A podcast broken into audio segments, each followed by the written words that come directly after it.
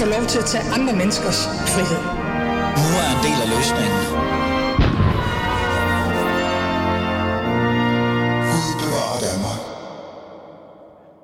ja, Gud bevarer Danmark og i Gud, og det har vi virkelig, virkelig brug for, tror jeg. Det ved jeg ikke, det kan også være, det er mig. Øh, vi er nu kommet til anden time, og det lytter stadig til Alis Fæderland, og mit navn er stadig Ali Minali. Peter Randal øh, var lærerforvalter for Kolding øh, Hørfabrik og medlem af Fremskridspartiet. Han blev landskendt for sin kamp mod øh, statsstøtte til kunstnere efter benævnt randalisme. Udover Grundvig er han den eneste dansker, så vidt jeg ved, der har lagt navn til isme forud for Georg Brandes. Randal fik senere sæde i netop Statens Kunstfond som, repræ- som repræsentant for Fremskridspartiet. Det var jo dem, han ikke var så glad for. Og han blev også senere æresmedlem af Fremskridspartiet. Men hvem er egentlig Randal? Ja, det, det vil jeg virkelig gerne finde ud af, for jeg får hele tiden at vide, at jeg skal forholde mig til den her mand. Alex Arnsen, som er folketingsmedlem for Dansk Folkeparti, en ivrig kulturforkæmper, vil jeg mene, og forfatter til en nyudgivet bog om netop Peter Rendal, er i studiet for at hjælpe mig med at i hvert fald at forstå, hvem var manden, øh, der fremprovokerede en, en såkaldt kamp mod kultureliten, og hvilken effekt har han haft. Jeg har også andre i studiet, og så har jeg også jer, kære lyttere. I kan jo skrive ind på 92 45 99 45 og deltage i samtalen. Så det er dagens anden afsnit. Peter Rendal, hvem var manden, og hvad var det egentlig, han havde øh, et problem med? Lad os komme i gang.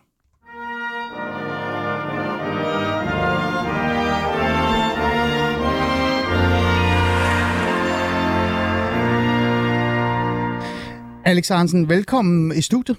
Tak skal du have. Øh, du er jo, øh, altså, øh, der er mange ting, du er, men du er i hvert fald forfatter, og så, som jeg også sagde, du er folketingsmedlem for Dansk Folkeparti, og jeg kalder dig en ivrig kulturforkæmper. Må jeg godt det egentlig? Ja, det må du gerne. Ja, ikke? Fordi du har også været kulturoverfører Ja. før. Det er du ikke mere. Nej. Nej. Øh, det skal du da igen, skal du ikke det? Nej, lige nu er det uh, Morten Messersmith kulturordfører, okay. og, og det, det gør han glimrende. Okay. Alex, jeg har jo inviteret dig i studiet, fordi du netop har skrevet en bog om Peter Rendal, og fordi at jeg gerne vil lære mere om, om den her mand. Men jeg vil også gerne finde ud af, om der er brug for en, en Peter Rendal altså i dag, hvis, øh, hvis det kunne lade sig gøre. Men, øh, men jeg har også en anden i studiet, øh, og det er jo reelt set manden, der har, har gjort, at jeg bliver nødt til at forholde mig til Peter Rendal. Henrik Dahl, velkommen i studiet. Tak skal du have. Du er folketingsmedlem for Liberal Alliance, og øh, hver gang jeg er i nærheden af dig, så begynder du at tale om randalisme. Eller næsten hver gang. Ja, hvis jeg ikke snakker om øh, Jørgen Estik.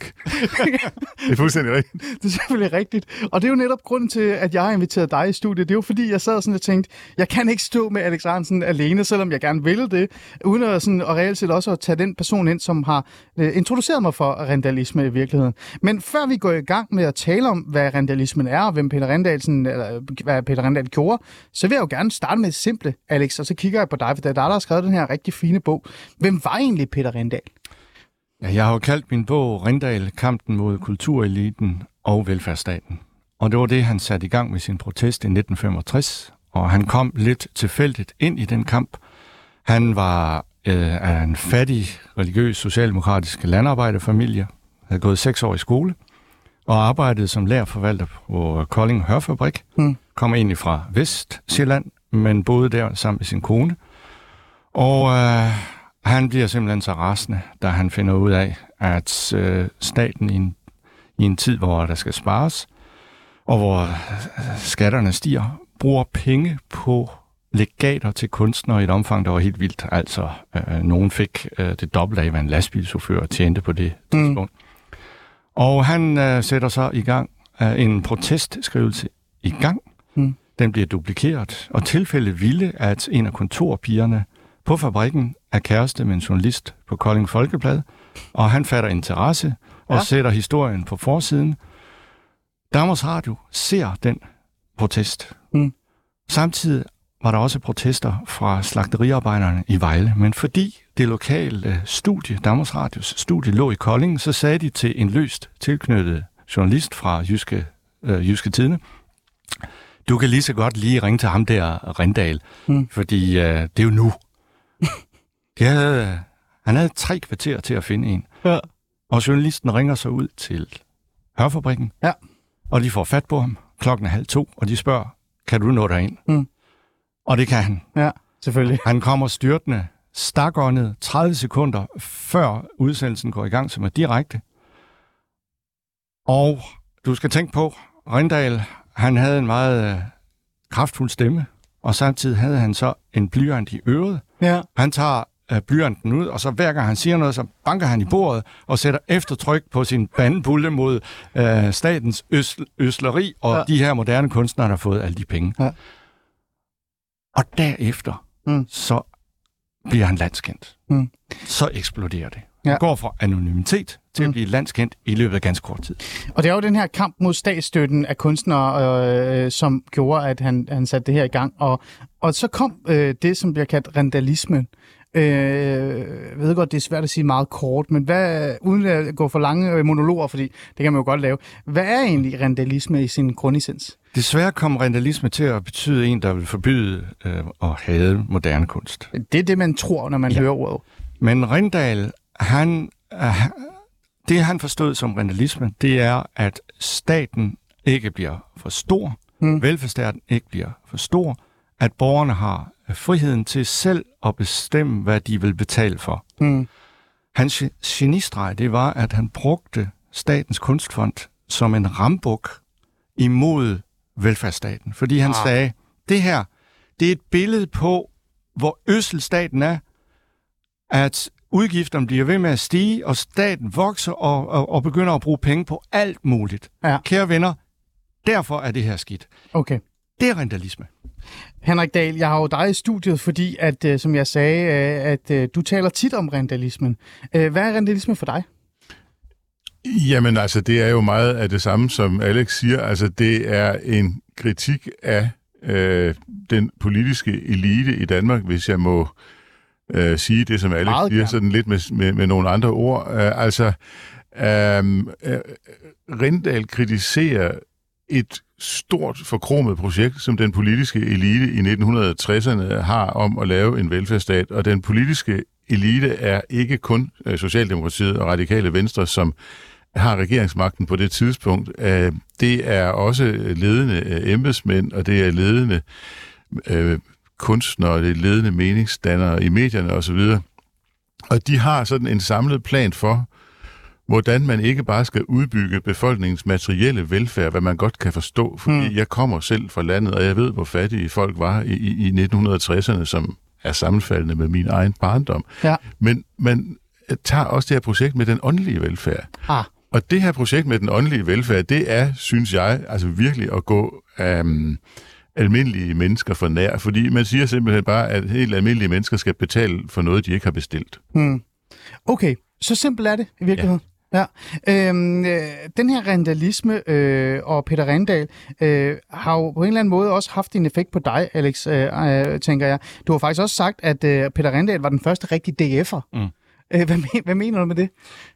Altså, Rindal er jo den første, der øh, sætter et oprør i gang mod øh, eliten, mod politikerklassen, mod øh, meningsdannerne, dem, der sidder på, øh, På magten, kan man på sige. magten. Ja. Og han er også den første, der gør det på en måde, som er meget folkelig. Mm. Og han sætter jo øh, en øh, bevægelse i gang, som ingen har set. Mm. Og det er der så andre, der forstår. Der er gråd i befolkningen, der er utilfredshed. Det kan vi bruge politisk. Mm. Så Glistrup, som egentlig opfordrede Rindal til at starte et politisk parti, han stifter så sit eget parti. Mm. Erhard Jacobsen bryder ud af Socialdemokratiet og stifter Centrumdemokraterne. Og Jens Møller stifter Kristligt Folkeparti, fordi han så jo også, at den der moralske forarvelse over kunstnerne, ja. som Rindal stod for, kunne man også kapitalisere. Mm.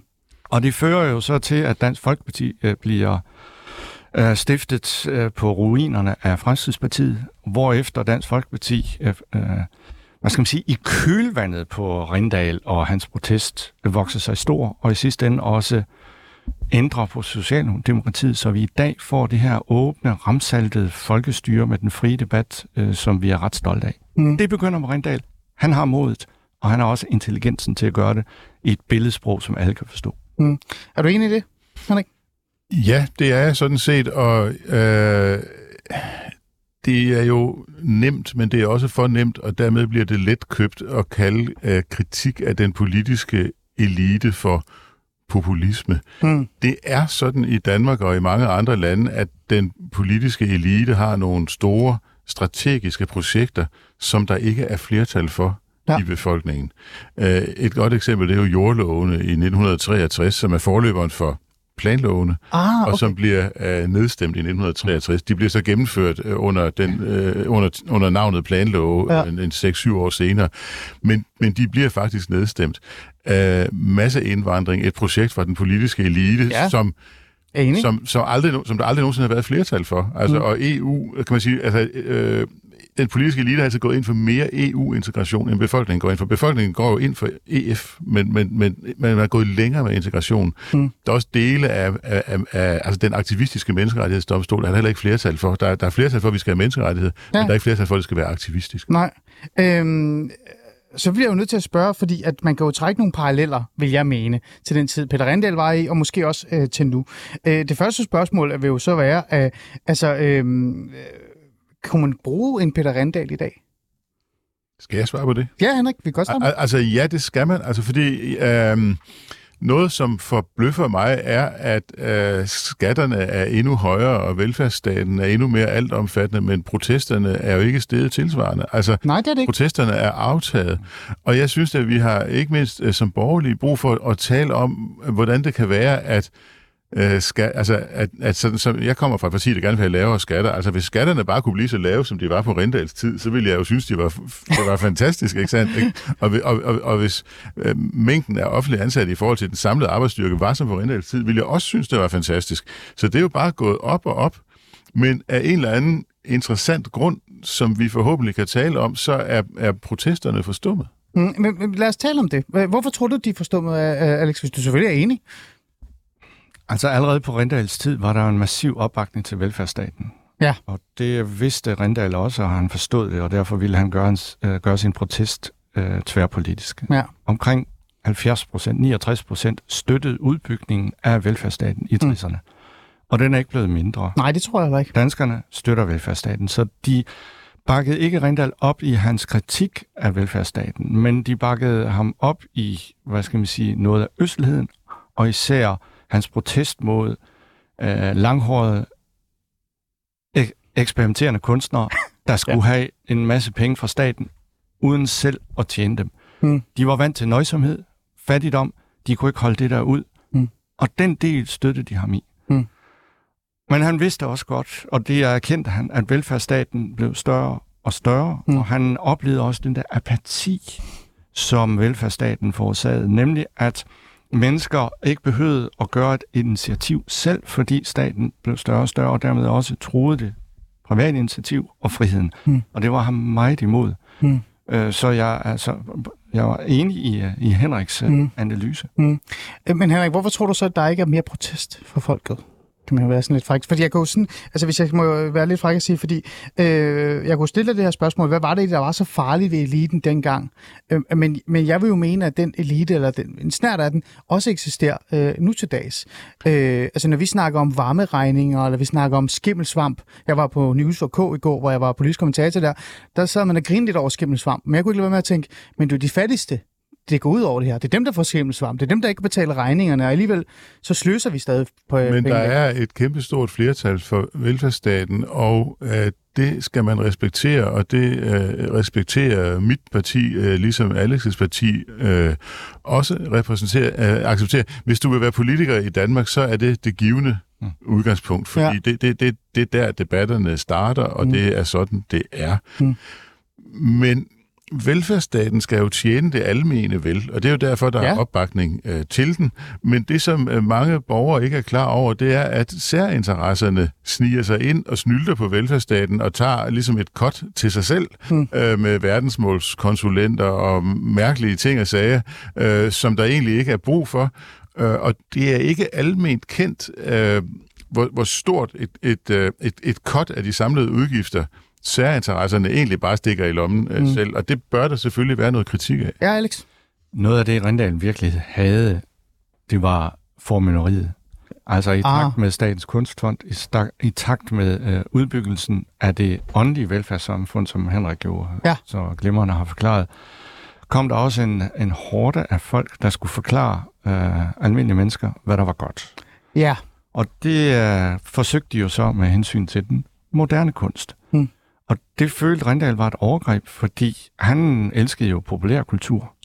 Øh, Poul Nyrup Rasmussen har i sine erindringer beskrevet det meget øh, malende, hvordan der blev talt ned til dem, der godt kunne lide populærkultur. Ja. Der var sådan et skisma mellem en elite mm. og så resten. Og resten, de hørte angelsaksisk musik og gik i biffen, mm. mens eliten stadigvæk dyrkede den mere klassiske, europæiske, italiensk-tyske øh, kultur, ja. som jeg også selv elsker. Ja, ja.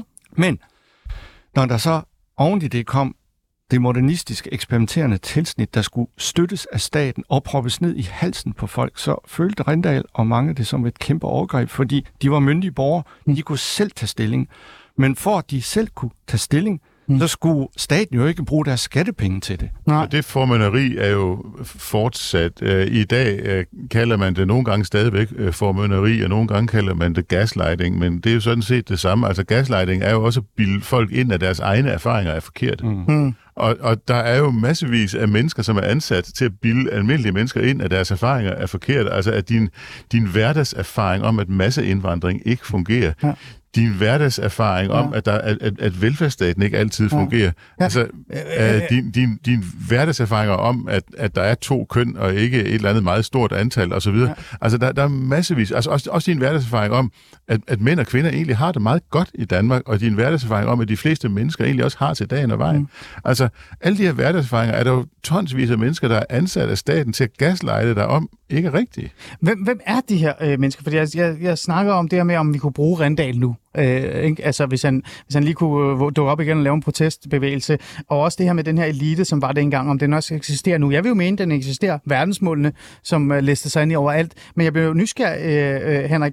Altså, øh, kan du komme med nogle specifikke, øh, hvad kan vi sige, øh, konkrete eksempler på det her? Jamen, hvis du tager på de højere læreanstalter for eksempel, så ansætter man jo stadig større stabe af mennesker med den begrundelse, at øh, kvinder de bliver udsat for skrækkelige uretfærdigheder, hmm. når det drejer sig om at blive udnævnt til jung lektor professor, og det gør de øh, faktisk ikke, og det siger ministeriets øh, egne tal. Hmm. Så man, man retter op på nogle uretfærdigheder, som så at sige øh, ikke findes. Hmm. Men man ansætter jo også hele tiden folk til sådan, at på en eller anden måde at bilde og gaslighte folk til, til at tro, at, at alting går godt, mm. øh, når det drejer sig om ja. øh, øh, øh masseindvandring og, og, og, ja. og gaslighte folk til at tro, at et hvilket som helst påhit, et hvilket som woke påhit, det er virkelig fantastisk. Hvad med de organisationer og institutioner, som øh, i bund og grund også øh, lever af det her? Øh, der må der være nogen derude.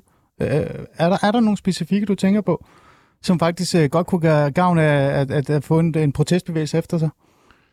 Jamen, de trænger sig jo ind altså alle steder. Altså, at, at hvis, hvis du går ind og ser på et, et bibliotek, for eksempel, altså hvor mange mennesker er ansat til på en eller anden måde at, at formidle udlån, og hvor mange mennesker er ansat til alt muligt andet end at formidle udlån, så er det jo en enorm mængde af mennesker, ja. der er ansat til alt muligt andet end at, ja. end at formidle udlån. Ikke? Altså, ja. øh, man bygger også øh, kulturhuse, som jo på mange måder er en løsning på et problem, der ikke eksisterer. Ja, Alex? For at vende lidt tilbage til dit oprindelige spørgsmål, om vi kan forestille os en Rindal ja. i dag.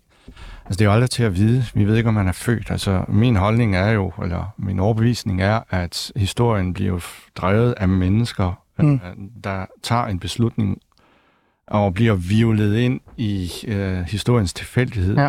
men vælger at gøre noget. Og mm. det var det, der skete for Rindal. Uden Rindal, så var det ikke sikkert, at vi havde fået det her oprør. Men han blev, hvad skal man sige, ansigtet på det. Mm. Vi ved ikke, om at der er en derude, der på en eller anden måde helt tilfældigt ryger ind mm.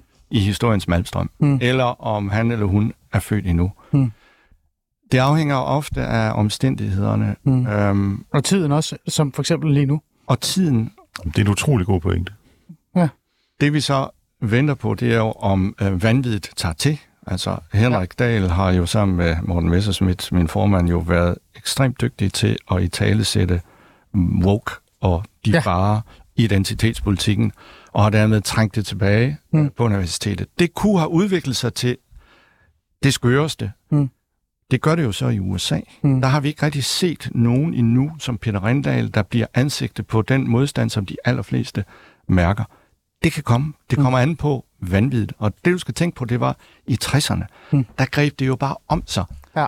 Moderniteten og velfærdsstaten og skatterne steg og populærkulturen, den bullerede frem, men blev øh, øh, forsøgt forbudt, altså radio med ja. kur blev forbudt, fordi ja. den spillede moderne øh, populær musik. Så vi ved det ikke. Ja. Ja, og min opgave, det er jo selvfølgelig at øh, pege på, at det er vigtigt, at vi lytter til folks protester, for det ellers så får vi Mm. En ny Rindal. Øh, Henrik Dahl, du skal afsted lige om lidt, så jeg bliver nødt til lige at, at trække noget ind her, øh, før du smutter, og så kan vi tale videre, Alex. Øh, jeg har der helt 55 minutter, det er øhm, den her øh, effekt på kulturpolitikken, det har vi jo talt om, det, det, kan jo, det har Rindal jo haft.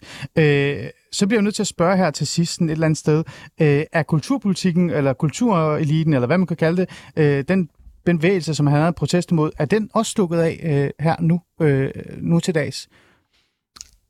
Nej, den er jo blevet sådan lidt mere udspekuleret, fordi det, som øh, den øh, navnlig gør i dag, det er, at den jo har fundet ud af, at vejen til at øh, få penge ind på kontoen fra, fra konkurrencestaten, det er at argumentere for, at kultur har dynamiske effekter. Oh, ja. Og derfor er der sådan en helt underindustri, hvor, hvor øh, lederne af alle de store museer og institutioner får sådan mere eller mindre øh, skurkagtige konsulentbyråer til at skrive nogle mere eller mindre skurkagtige rapporter om de kæmpe store dynamiske effekter, øh, det har at bygge et kulturhus og lave alle mulige ting og sager. Ja, ja. Og hvis man går ned og roder i, i de her øh, analyser af dynamiske effekter, så er det jo altid lavet med nogle ekstremt tvivlsomme analyser, hvor man lige så godt kan argumentere for, at de dynamiske ja. effekter ikke er der. Ja. Så de er blevet bedre til det? Men når man så har en rapport om, at det har alle mulige dynamiske effekter for en hvilken som helst købstad i Jylland at bygge et kæmpestort kulturhus, så narer man jo nogle naive politikere, ja. der har alt for meget respekt for tal- og konsulentrapporter til at bevilge pengene. Og det er jo sådan, at man tager sig til hovedet, hvis man både er politiker og ved lidt om at læse tal. Altså, så er det jo helt forfærdeligt. Alex, du står og griner, så jeg tror, du er enig her. Men så bliver jeg nødt til at spørge det her, fordi I er jo også, øh, udover at jeg har inviteret jer i studiet for at for, for, sådan, sætte lidt ord på rentalisme og Peter Rendal, så er jeg jo også folketingsmedlem. I, I, jo- I har jo noget magt på jeres skuldre. Øh, spilder vi for mange penge på kunst og kultur, som, som faktisk ingen værdi har? Altså det Nej. der med, at verdensmålene lige pludselig er overalt, øh, det, det er også specielt for mig. Verdensmålet, det er jo rent-seeking, altså snylderi, ikke? Altså, Ja. at, at man skal have et, et, et cut af nogle fornuftige Ja. aktiviteter.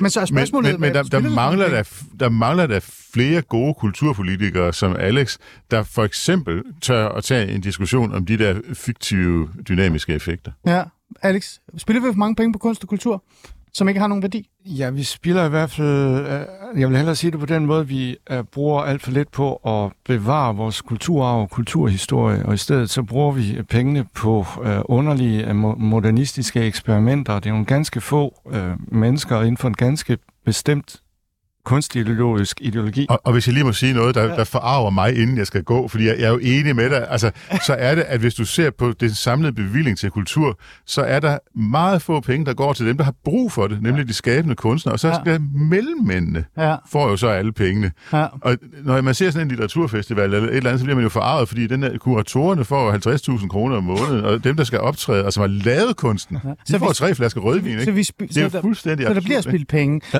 der bliver Og de bliver givet til de forkerte. og det Ja. ja. bliver givet til det forkerte. Øh, Rindal vil jo sige, at de ikke skulle have nogen, og, Ja, ja, og ja. Statens Kunstfond øh, skulle nedlægges. og Jamen, det præcis. Er, og det er jeg jo enig med ham i. Er du det? Ja, det er jeg. Statens Kunstfond skal nedlægges. Ja, fordi det er jo, altså det er jo en ganske, farvel Henrik, det var en fornøjelse. Der, er- det er jo en ganske få mennesker, som har sat sig på magten, og dermed fordeler midlerne til øh, de mennesker, de er sådan ideologisk enige med. Hmm. Og det synes jeg bare er et enormt problem, og der så Rindal jo rigtigt. Hmm. Så han så jo allerede dengang indspistheden, fordi der var masser af, af historier om det. Så det, man i stedet skulle gøre, det var jo selvfølgelig at nedlægge Statens Kunstfond og lade kunstnerne klare sig selv. Så kan vi bruge pengene på kulturarv, kulturhistorie øh, og, og, og museer, der for, forsøger at bevare vores rige danske kultur.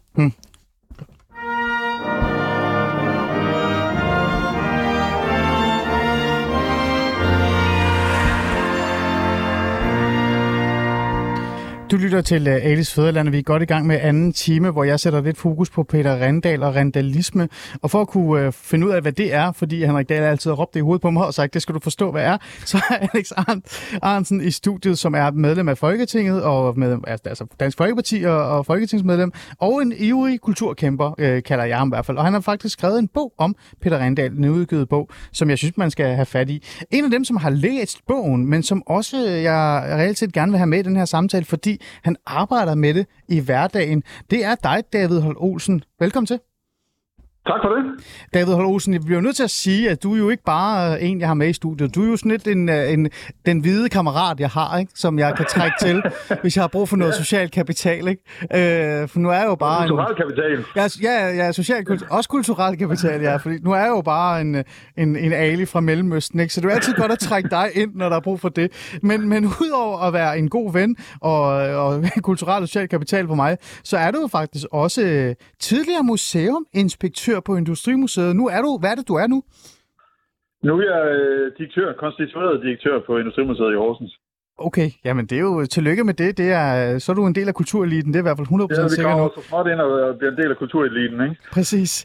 Øh, grunden til, at jeg har inviteret dig med i programmet, det er jo det her med randalisme. Nu har vi stået her, mig og Alex og Henrik Dahl, og talt om Peter Randal, randalisme og opgøret, og også opgøret med Statens Kunstmuseum osv. osv. Men også det her med at spille øh, en masse penge på noget, vi ikke rigtig kan se noget værdi i. Øh, David Holt Olsen, du er...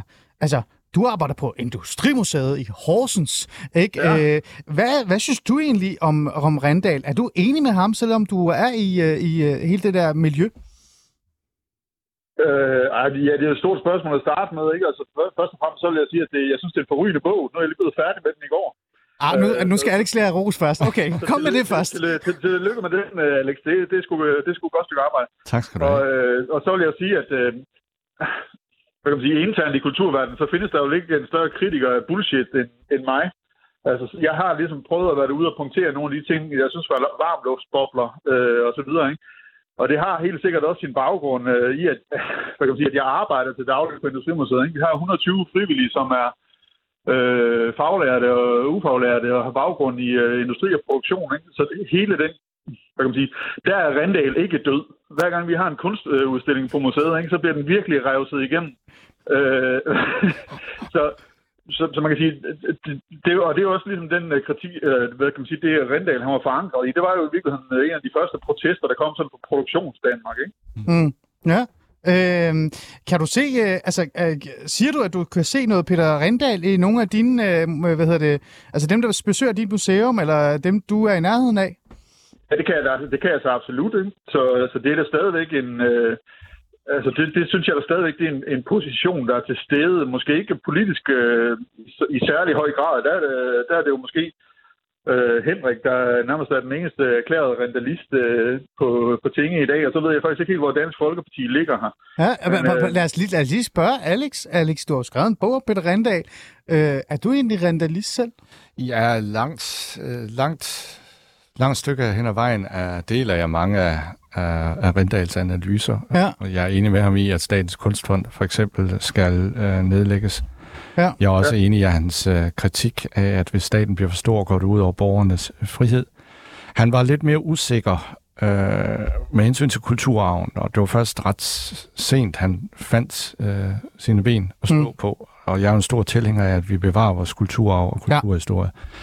Ja. Øh, Dansk Folkeparti øh, deler måske noget af, af hans kritik, blandt andet de livsvarige ydelser til kunstneren, vil vi gerne have væk. Øh, Men til gengæld, så vil vi jo gerne styrke vores kulturarv. Mm.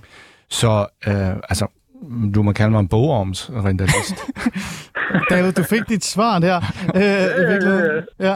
Øh, ja, hvad siger du, David? Ja, jamen det er, men det er, hvad hedder det, det, er- det var også nogenlunde, som, øh, som jeg forventede det, ikke? Øh, og, det er også den skillende Rendal, han, øh, han har. Det er ligesom de der, øh, at de kulturhistoriske museer og kulturarven derfra, ikke? At det vil man gerne øh, prioritere, bibliotekerne vil man gerne øh, øh, prioritere, ikke? Men det er, øh, det er øh, den modernistiske kunst, øh, som, som han, han virkelig har, øh, eller hvad, man sige, som, som han ikke vil betale for over skatten i hvert fald. Ja, og ikke bare det, men uh, alle kunstnere og alle kunstarter må uh, for så vidt klare sig selv uh, på ja. markedet, og derfor er han også en stor tilhænger af ophavs, op, af, Ja, ophavsretsloven, er også svær. Ja. øh, hvilket øh, Måns Glistrup jo ikke var. Mm. Men Rindal forstod, at hvis kunstnerne de skal kunne tjene penge på deres værker, så bliver de også nødt til at have værkerne beskyttet, og derfor s- støttede han ophav, ophavsretsloven. Det var mm. vigtigt for ham. Mm. Det gør jeg også. Øh, øh, Jeg, jeg synes i virkeligheden, øh, at det var ret sjovt at læse bogen, ikke med mine... Øh, altså, jeg er selv født i 1980, altså sådan øh, et mellemting mellem generation X og, øh, og øh, generation millennial, ikke? Men, øh, men øh, en, en af de generationer, der ligesom er vokset op i velfærdsstaten, øh, mm. hvor Rendal han var vokset op uden for velfærdsstaten og havde den der almue øh, tradition med sig. Ja. Øh, hvilket ligesom gav den kritik, tror jeg, en særlig kant og en særlig konservatisme, som, som man ligesom er svær at finde i dag, ikke? Og det skriver du sådan set også selv i bogen, ikke? Altså, Ja. At han så ligesom prøvede at relancere den her øh, realistiske kritik i 90'erne og, og 0'erne. Der var velfærdssamfundet simpelthen bare rykket så mange. Altså, det, det var sådan nogen som mig selv, der beboede velfærdssamfundet, der ikke der ligesom havde internaliseret øh, hvad kan man sige, den gode smag, der ligesom blev indlejet i, i velfærdsstaten. Ikke? Ja, fuldstændig rigtigt. Øh, David Holt Olsen, øh, nu er du jo en del af kultureliten, ikke? Øh, nej, det er du ikke. Du er i hvert fald en del af den, I kul- det omfang, man kan være det kulturverdenen. i Horsens. Ikke? Ja, det er det. Du er en del af kulturverdenen, og du er en del af hele det her. Øh, jamen altså, øh, det er din hverdag altså, i virkeligheden. Jeg har jo her i starten af programmet øh, været lidt fræk øh, og spørge, om vi kunne bruge en Peter Rendal. Og vi har jo talt om det, og vi har jo sagt, at der måske er en allerede øh, til stede. Han skal bare lige have stemme øh, på plads eller videre og så videre. Øh, Hvad tænker du i forhold til Rendal og rendalisme, eller den her projekt, eller den her protestbevægelse? Tror du, at kulturverdenen kunne have godt af at øh, få nogen efter sig? Øh, altså mere, end den allerede har? Jamen, det har kulturverdenen altid godt af, fordi så står alting, det står, øh, det står klarere frem, når der er benhård kritik af det, ikke? Og det er også derfor, at kulturverdenen altid med 20 års øh, forsinkelse, så bliver- lige pludselig bliver taknemmelig for sine kritikere, ikke? Fordi man kan godt kan se, at de bragte noget godt frem i det, ikke? Øh, og Rendal, han bragte jo også det gode frem, at, øh, at Kulturministeriet, de øh, blev nødt til at søge ny legitimitet i 70'erne og 80'erne, og derfor så gik alting ud på, på det tidspunkt at øh, arbejde med det brede kulturbegreb, ikke? Øh, at få kultur ud til folket, og øh, selv den mindste flække i Danmark fik et kulturhus, øh, hvor, hvor borgerne ligesom selv kunne udstille det kultur, de selv synes var, var, var den rigtige kultur for dem. Ikke? Øh, så på den måde, så har kulturen det har altid brug for de her korrektiver. Mm. Øh, Ja, Alex? Og, og det er, skriver jeg faktisk øh, om i bogen, fordi allerede i 1966 var der nogle øh, behjertede kulturradikale sjæle i Skive, der efter et øh, møde samlede penge ind til et billede, et moderne billede af en moderne kunstner, som de øh, skænkede Rindal, som tak for, at han havde fået folk til at diskutere kunst og kultur, selvom de var dybt uenige med ham.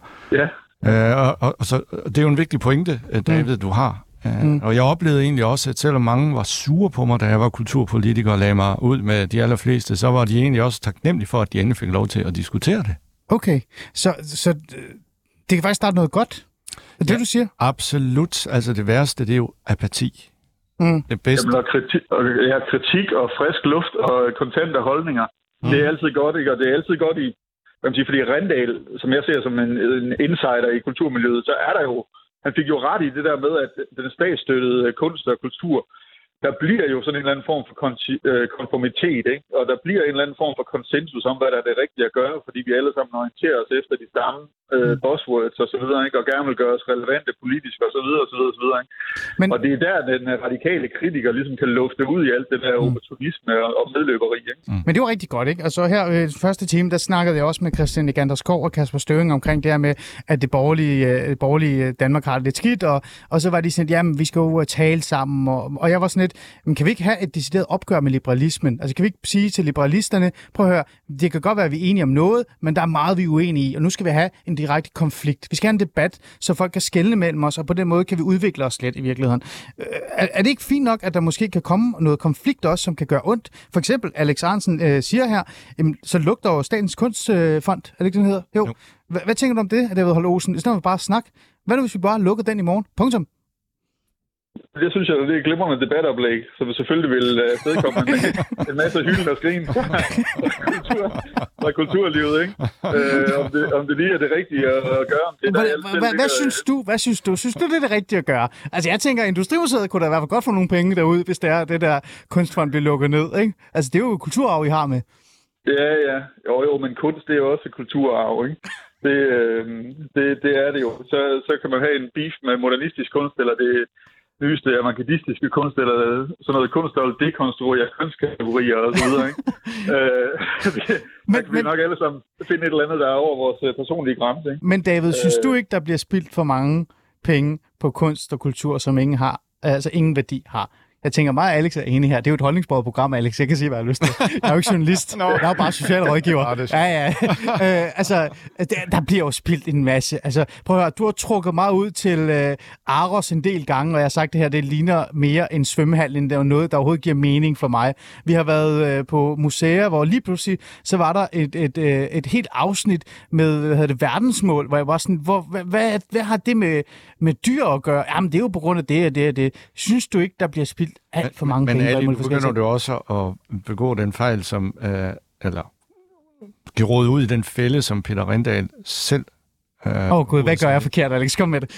du, begynder, du, du begynder allerede nu at sige, det må vi godt have, og det må vi. Øh, og det Men gør du ikke også selv det lidt? Nej, fordi Rindals pointe var jo, at kunstneren måtte klare sig selv. Og han, han brød sig personligt ikke om moderne kunst. Han synes, det var noget skammel, og det var humbug og svindel. Men ja. hvis folk vil bruge deres egne penge på det, så måtte de jo gøre det. Han havde en, øh, og det har også med i bogen, en, en brevveksling med en kunstner, Hose, som var af den gamle skole. Han kunne sit håndværk. Ja, ja. Og denne kunstner, han blev noget skuffet, da Rindal skrev til ham, jamen, at, at kunstner skal ikke støtte, uanset øh, om det er moderne eller ikke moderne, fordi Hose troede, at han ville støtte hans kunst, men han sagde, nej, det er op til borgerne selv. Staten skal bare ikke fortælle mig, hvad, og, han, og han skal ikke Men- bruge mine penge Men til det. Alex, undskyld, og, og David, det var dig, der stillede spørgsmål, eller jeg stillede spørgsmål til dig, men Alex, lige lidt, lige lidt, fordi Altså, jeg synes jo, der bliver spildt for mange penge på mærkelige, latterlige projekter. Jeg synes, også. verdensmålet bliver fylder alt for meget af mulige skøre ting. Men det er jo fordi, man har staten indover, der bruger skatyderne Præcis. til den slags. Men jeg vil jo gerne tage nogle af de her penge og øremærke dem til kultur. Altså kulturarv, Ja, altså og det dannelse og så videre og så Det videre. Prøv at, hvis det var op til mig, hvis jeg var øh, i din position, så ville jeg kæmpe for, at DR skulle, når vi vågner op og når vi går i seng, spille Dannebro sammen. Kanoner, heste og jeg ved ikke hvad. David Holm Olsen, han skulle stå i Industrimuseet og flagre musikken. Det hele skulle på plads.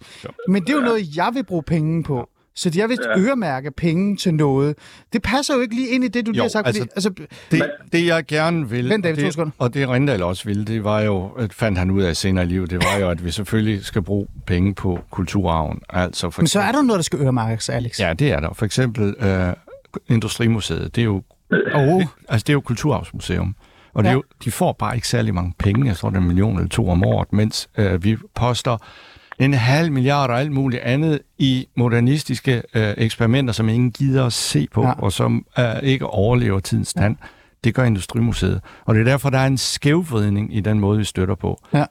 Men er der ikke noget kritik i det? Altså, øh, frække typer vil jo sige, jamen Alex, det er jo der, hvor du så går ind og siger, det her, det er vigtigt, Ja. det skal vi støtte. Ja. Det andet skal leve øh, for sig selv konkurrencedygtigt. Og det kan jeg gøre, fordi at øh, Industrimuseet har jo ikke nogen, der taler deres sag, øh, mens kunstnerne, de nulevende kunstnere, de kan jo tale deres sag, og derfor har de mulighed for at sælge det på markedet. Kan de ikke sælge det, jamen, så må de så finde sig et andet arbejde. Ja.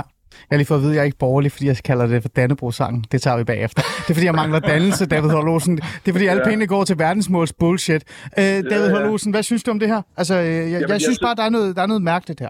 Hvad ved det ikke? Jamen, alle, jamen, jeg synes jo, alle kærlige ord om Industrimuseet, det bakker jeg jo varmt over. Det var også det, der var mærkeligt. og jeg har jo klart, en, øh, jeg har jo klart en øh, agenda med medvirker. Det er jo Cape for Alex, så han, øh, så han kan overtale Ja. til at komme over og lave en udstilling God. om... Øh, Nu om slukker jeg for din mikrofon. David Hollosen, det er ikke det, jeg spørger dig om. Men, øh, Det, men ja. jeg synes jo, at der, men der ligger, der, ligger, der ligger det problem i, hvad kan man sige, der er en eller anden illusion om, at der er en fri kunst- og kulturverden. Ikke? At, at statsmidlerne, de skaber en fri mm. kunst- og kulturverden. Det var det, der var, beting, øh, det var, det, var det, der var øh, argumentationen, dengang man lavede Kulturministeriet og Statens Kunstfond. Ikke? At så fik man frihed til at nærme sig det, øh, så, øh, så kunsten øh, øh, hvad hedder det, på, en, på en fri måde, ikke? Mm. Øh, frisat fra markedskræfterne. Mm. Og det, der bare øh, er sket over de sidste 40-50 år, der hvor han havde ret, øh, René, der, der så sniger sig en anden ufrihed Mm. ind, og det er jo, at kan man sige, principielt så skulle midlerne, de skulle gives med armslængde. Det er derfor, man har startet Statens Kunstfond, der sidder, hvor der sidder fagprofessionelle og uddeler de her øh, midler, ikke? Men der sniger sig også alle mulige betingelser ind for, hvad der så er god kunst der. Ikke? Så der er jo allerede en smagsdommer inde i form af, af, af staten. Ikke? Og det er der, jeg synes, kulturlivet i Danmark, det har en tendens til at blive utrolig konformt. Mm. Øh, ikke bare i kunstverdenen, men sådan set generelt. Ikke? Altså, lige nu der jæ- jæger vi alle sammen FN's verdensmål. Og det er der, hvor jeg vil egentlig sige, at der er måske i virkeligheden midler nok sat af, af til kultur, men meget af det, det går bare til nogle underlige ting. Det er på grund af de her mekanismer der, og incitamenter, der er blevet skabt øh, over de sidste mange år. Og, og det ved jeg simpelthen ikke, hvordan man retter, hvordan man retter op på. Mm. Øh, der er et svar skyldig, men jeg mener i hvert fald, det er dybt uhensigtsmæssigt. Jamen, vi har jo en, pol- en politiker herinde, Alex. Altså, Davids øh, pointe er utrolig essentiel, og den er så vigtig. Hvorfor er den det? Før Statens Kunstfond og forgængeren fra 56, Ja. Der var der ingen armslængde. Altså, Ah. der fordelte politikerne penge til dem, de synes, der skulle have. Okay. Og det vil sige, dem på venstrefløjen, de gav øh, venstreorienterede kunstnere og modernistiske kunstnere nogle penge, og dem på midten gav øh, deres yndlinger, og dem på højrefløjen, de gav så deres yndlinger. Det vil okay. sige, kunstlivet var bredt repræsenteret. Da man så oprettede Statens Kunstfond, så gik der ikke ret lang tid før en ganske bestemt smag slog igennem, nemlig den eksperimenterende modernistiske ideologi og deres venner og dem, der var enige. Mm. Og alle de andre, de fik umådeligt svært ved at øh, få støtte. Mm. Og det er derfor, det er så vigtigt, hvad, hvad David siger. Altså, man troede, man fik frihed ved, at øh, staten overtog det her, men man skabte i stedet ufrihed, og det var Rindals pointe. Mm. Han var imod ufriheden, han var for friheden, og derfor var det bedre, at det var borgerne mm. på markedet, der købte værkerne, i stedet for, at en eller anden kunstpædagog skulle forklare ham, at det her, det var godt. Uh, Alex, øh, hvis vi skal fikse det her, fikse det her system, øh, putte noget randalisme ind i, i det politiske øh, maskineri, øh, hvad skal der så gøres? Altså, hvad, hvad er det, der, altså, hvad- som du, selv, du sagde, at kunstfonden skulle nedlægges. Ja. Og jeg vil gerne lige spørge dig, David, her lige om lidt, hvordan de virkelig altså, vil reagere, hvordan øh, dramaet vil være. Men hvis vi nedlagde det, hvad skulle der ellers gøres? Ja, altså nu er jeg ikke sikker på, at jeg taler på Dansk Folkeparti's vegne. Nej, men jeg- nu spørger men, dig, men, fordi- Men, men ja. hvis du spørger mig, så vil jeg nedlægge øh, Statens Kunstfond, og så vil jeg tage øh, nogle af de penge, og så øh, investere dem i vores kulturarv, som lider, og som har det svært, og som øh, Mm. mange, mange af de museer, de statsanerkendte museer, lever jo faktisk på markedsvilkår, fordi de får ikke ret meget fra staten, bortset fra nogle få. Mm. De klarer sig ved hjælp af billetindtægter og fonder, og hvad det ellers skal finde ud af, så får de lidt fra øh, staten. Men det er bare så afgørende vigtigt, det arbejde, de laver, fordi det er vores fortid, der bliver bevaret for eftertiden. Mm. Der vil jeg tage pengene fra Statens Kunstfond, og så øh, give dem til kulturarven. Hvad så med den der øh, tese, eller den der idé om, at øh, så kvæler man jo øh, kunst, som øh, kan være med til at provokere øh, både samfundsdebatten, men også udvikle os? Altså sådan, Ja. man, øh, den er der også. Ja, den hører jeg tit, Ali. Nu har jeg jo selv været forlægger, og forlægsbranchen er jo en branche, der agerer på markedet. Ja. Man sender produkter ud, værker, det vil sige bøger, Ja. Og det er så øh, læseren, der køber bogen. Ja. Og er vi enige om, at der hele tiden bliver udgivet provokerende værker, som folk bliver sure over? Absolut. Og det sker, Mm. selvom det er på markedet. Mm. Så jeg køber ikke den præmis. Jeg tror på, at markedet og brugerne er kloge nok til at vælge noget, der er interessant og klogt. Og det kan sagtens være underholdende. Vi har en idé om, at hvis det skal være fint, så skal det være komplet uforståeligt. Den køber jeg ikke. Mm. Men, men øh, nu spørger jeg lige ærligt, ikke? altså det her med at provokerende, øh, det kan jo også blive afvist af en person som dig i et forlag, fordi du tænker sådan, det kan være for provokerende, der er ikke noget salg i det, der kan gå regnark i det, der kan, der kan også gå tiden uh, i det, altså for eksempel, lige nu, der er det jo super, som du godt ved, identitetspolitikken ja. fylder vanvittigt meget, ikke? Lad mig give dig et eksempel fra Frankrig. Øh, øh, Louis Edouard, som er den store, øh, berømte unge forfatter lige nu, Ja. homoseksuel og, vokset op Ja. øh, under meget fattige øh, kår. Den første bog sendte han jo til utallige øh, forlag. De afviste det, fordi den fattigdom har vi ikke. Så var der endelig et forlag, der udgav det. Bum, og han blev kendt. Mm. Det er jo det, der er så godt med markedet. Der er flere forskellige steder at gå hen. Mm. Med Statens Kunstfond, der er der kun ét sted at gå hen. Ah.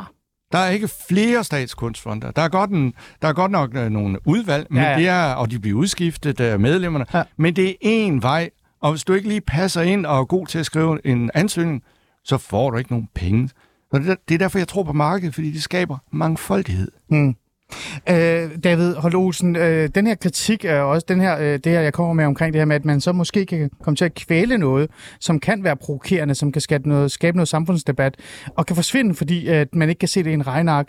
Øh, den ser Alex ikke rigtigt. Han tror på markedet. Øh, hvad, hvad tænker du? Jamen, som Alex også siger, så er vi jo i høj grad underlagt øh, markedet. Det er i hvert fald den virkelighed, jeg sidder og arbejder øh, i nede på Industrimuseet. Ikke? Det er jo...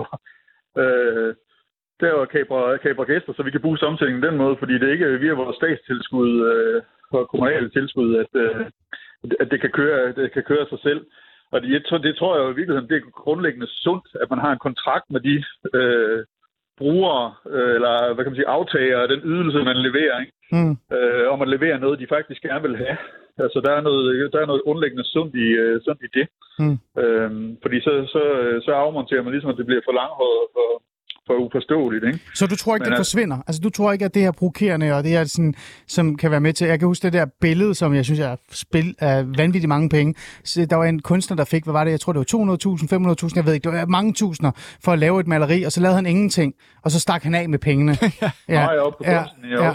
Det var rablende vanvittigt, og i en tid som nu, så vil jeg tænke, at manden er jo, altså det sted, han skulle jo, øh, altså, jeg ved det ikke, han skulle smides i fængsel nærmest, ikke? Det, ej, det skal Jo, han ikke, er også det skal han ikke, Men, men, det men, men, han gør også, han gør med provokerende. hele det der øh, pulje, puljemanageri, ikke? nemlig, øh, og sådan noget vil jo ikke eksistere, måske. Ikke på markedet. Nej, præcis. Er det ikke et problem, Alex? Mm, Jamen altså, altså som David siger, så er, er, er, er det jo et morsomt indslag, fordi man kan også se det som uh, en, en skråt opfinger til uh, kunstverdenen. Ja. Men samtidig så argumenterer han sig ud af det og forklarer, at det her det er faktisk et kunstværk. Og det kan jo altså- gøre hvad- alt. Alt kan... Hvis du er bare dygtig nok med ord, så kan, du, så kan alt være kunst, og Ja. derfor kan du også få støtte, og det er jo gak, gak. Ja. Okay, det, jeg kan godt se, hvad du prøver at sige. Øhm, øh, hvad hedder det? Nu bliver jeg nødt til lige at stille jer, øh, dig et spørgsmål, Alex, og jeg, jeg vil gerne høre, hvad du også synes om det. Øhm, øh, du er jo øh, semi-randalist, ikke? og du har skrevet om Rendal, og du har også stået her og fortalt mig, hvad, hvad der er, reelt set godt kan bruges øh, penge på, mm, og hvad der skal leves af markedet. Øhm, er det ikke også lidt ærketypisk øh, elitært? Altså det der med, at man har den her store, brede overs- oversigt over ting, hvad der er rigtigt og forkert, og derfor så skal man være med til at bestemme det, Alex? Eller er det bare, bare øh, en kritik, der kan komme? Bestem hvad? Ja. Jamen, altså det her med, at, at du har jo så mange gode meninger om, hvad der er gode bøger, og hvad der er ikke gode bøger, hvad der er god kultur, ikke god kultur, øh, hvilken bøger der skal, og så videre, og så videre, og så videre. Kan det ikke også være sådan lidt... Øh, kan du ikke også selv være sådan lidt øh, elitær og, og være bedre viden? Jo, altså jeg har jo selv haft to forlag, øh, og øh, nogle af de bøger, øh, vi udgav, øh, skabte jeg jo selv ved at henvende mig til folk. Mm. Nogle gange fik vi manuskripter, som mm. ikke var godt nok, så afviste det. Ja. Men det er jo fordi, det er jo vores egne penge. Ja. Vi havde Men- ikke nogen penge fra staten. Men hvis Peter Rendal kigger på dig, vil han så, øh, vil han så være, vil han kunne lide det, han ser? Ej, jeg, jeg Eller er tror du nok, også en del af eliten? ja, det vil, han, øh, det vil han se, og han vil nok også øh, synes, at jeg var lidt for gavmild øh, over for Okay. og kulturlivet. Det tror Ja. ja. jeg nok, han ville. Han synes ikke, han, han vil nok mene, at jeg ikke går for langt, men han vil være meget tilfreds, fordi jeg trods alt også har været en kritiker af den Ja. måde, det foregår på, at vi, og at vi skal nedlægge statens kunstfond. Det vil Mm. mm. han også være enig i, at, at øh, staten kvæ, kvæ, kvæler friheden. Mm. Så øh, Jeg blev bare nysgerrig. Jeg Ja, bare men jeg tror egentlig, han vil være øh, tilfreds langt hen ad vejen. Mm. Mm. Ja.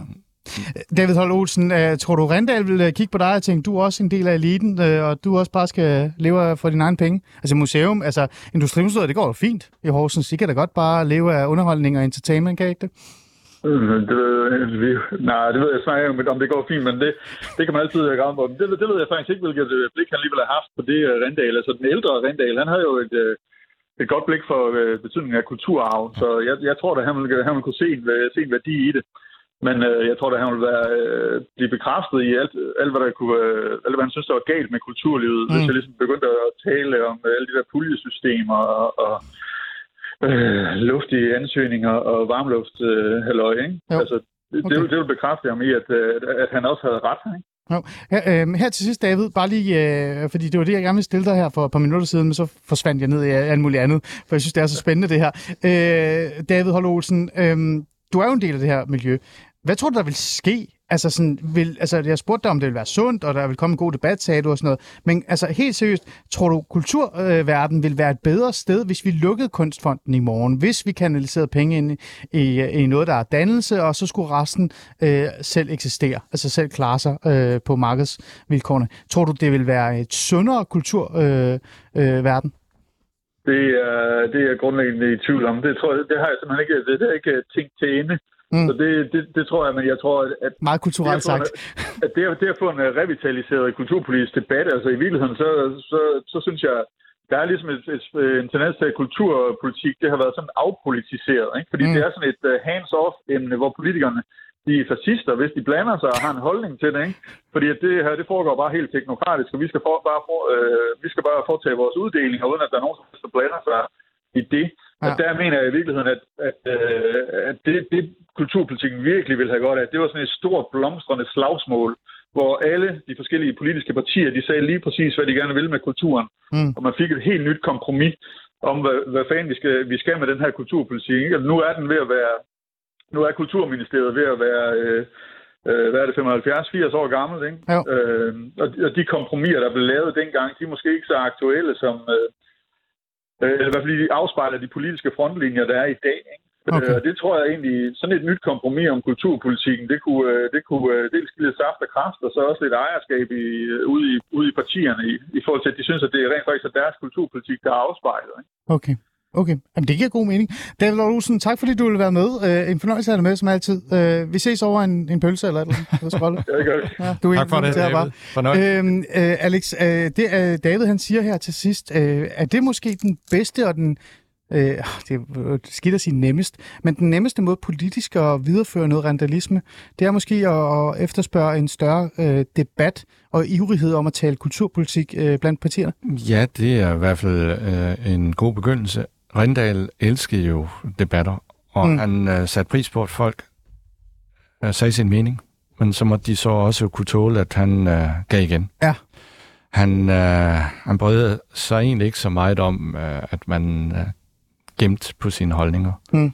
Og øh, det ville være i Rindals ånd, at vi åbnede for den pose. Mm. Ja, for, det, i, for det, i dag er der jo stort set øh, enighed om, at vi skal have Statens Kunstfond og den måde, som kulturpolitikken mm. øh, føres på. Altså, jeg vil tro... Og det skulle man måske udfordre fra i morgen. Altså, jeg vil tro 96 eller 97 procent af Kulturministeriets budgetter er der jo ingen, der uh, hisser, hisser sig op over. Det kører jo bare. Mm. Ja. Så måske det er noget, Dansk Folkeparti skulle uh, sætte sig lidt mere i. Ja, det For ved jeg ordføreren for, uh, for Dansk Folkeparti til at stille nogle uh, høringssvar. Nej, nu er jeg jo forfatter, og jeg har været kulturordfører i ni år. Ej, men jeg tænker Morten Messerschmidt. Nå, det er altså... Mo- Morten er jo formand, og er måske en mere afdæmpet uh, indgang til Ja. den slags ting, og Ja. det er, anerkender jeg og accepterer jeg også. Ja. Ja. Nu uh, har jeg, jeg har jo været kulturpolitiker i 9-10 år, og nu har jeg Ja. skrevet den bog, øh, og er her mest Mm. som forfatter, selvom jeg ikke kan Nej, glemme, at jeg absolut. absolut. Men det er bare fordi, det er jo, det er jo nysgerrig, fordi hvis man skal sådan et eller andet sted videreføre Randals ånd, og, og også det her med, fordi jeg faktisk er enig med dig, ikke, at der er brug for det, hvordan man så på en eller anden måde politisk skulle kæmpe for det. Det er jo derfor, jeg blev øh, nysgerrig. Men du siger sådan lidt, den der ivrighed efter debat, og den der lyst til at tage det op, og også diskutere de svære løsninger, det, det er måske bare den første, det første skridt, man kan tage. Det er hans ånd, Mm. og det gavner altid. Ja. Mm.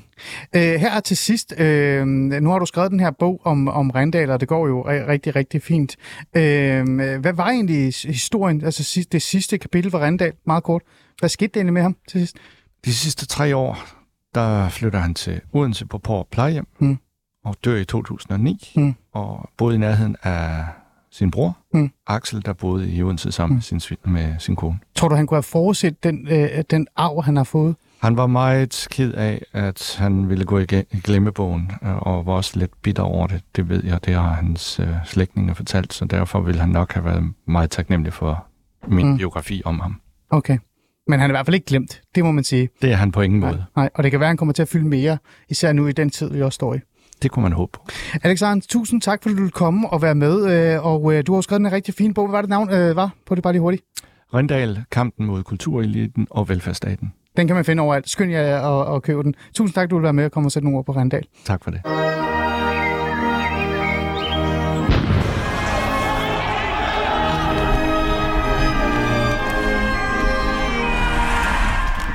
I skal ikke få lov til at tage andre menneskers frihed. Nu er en del af løsningen.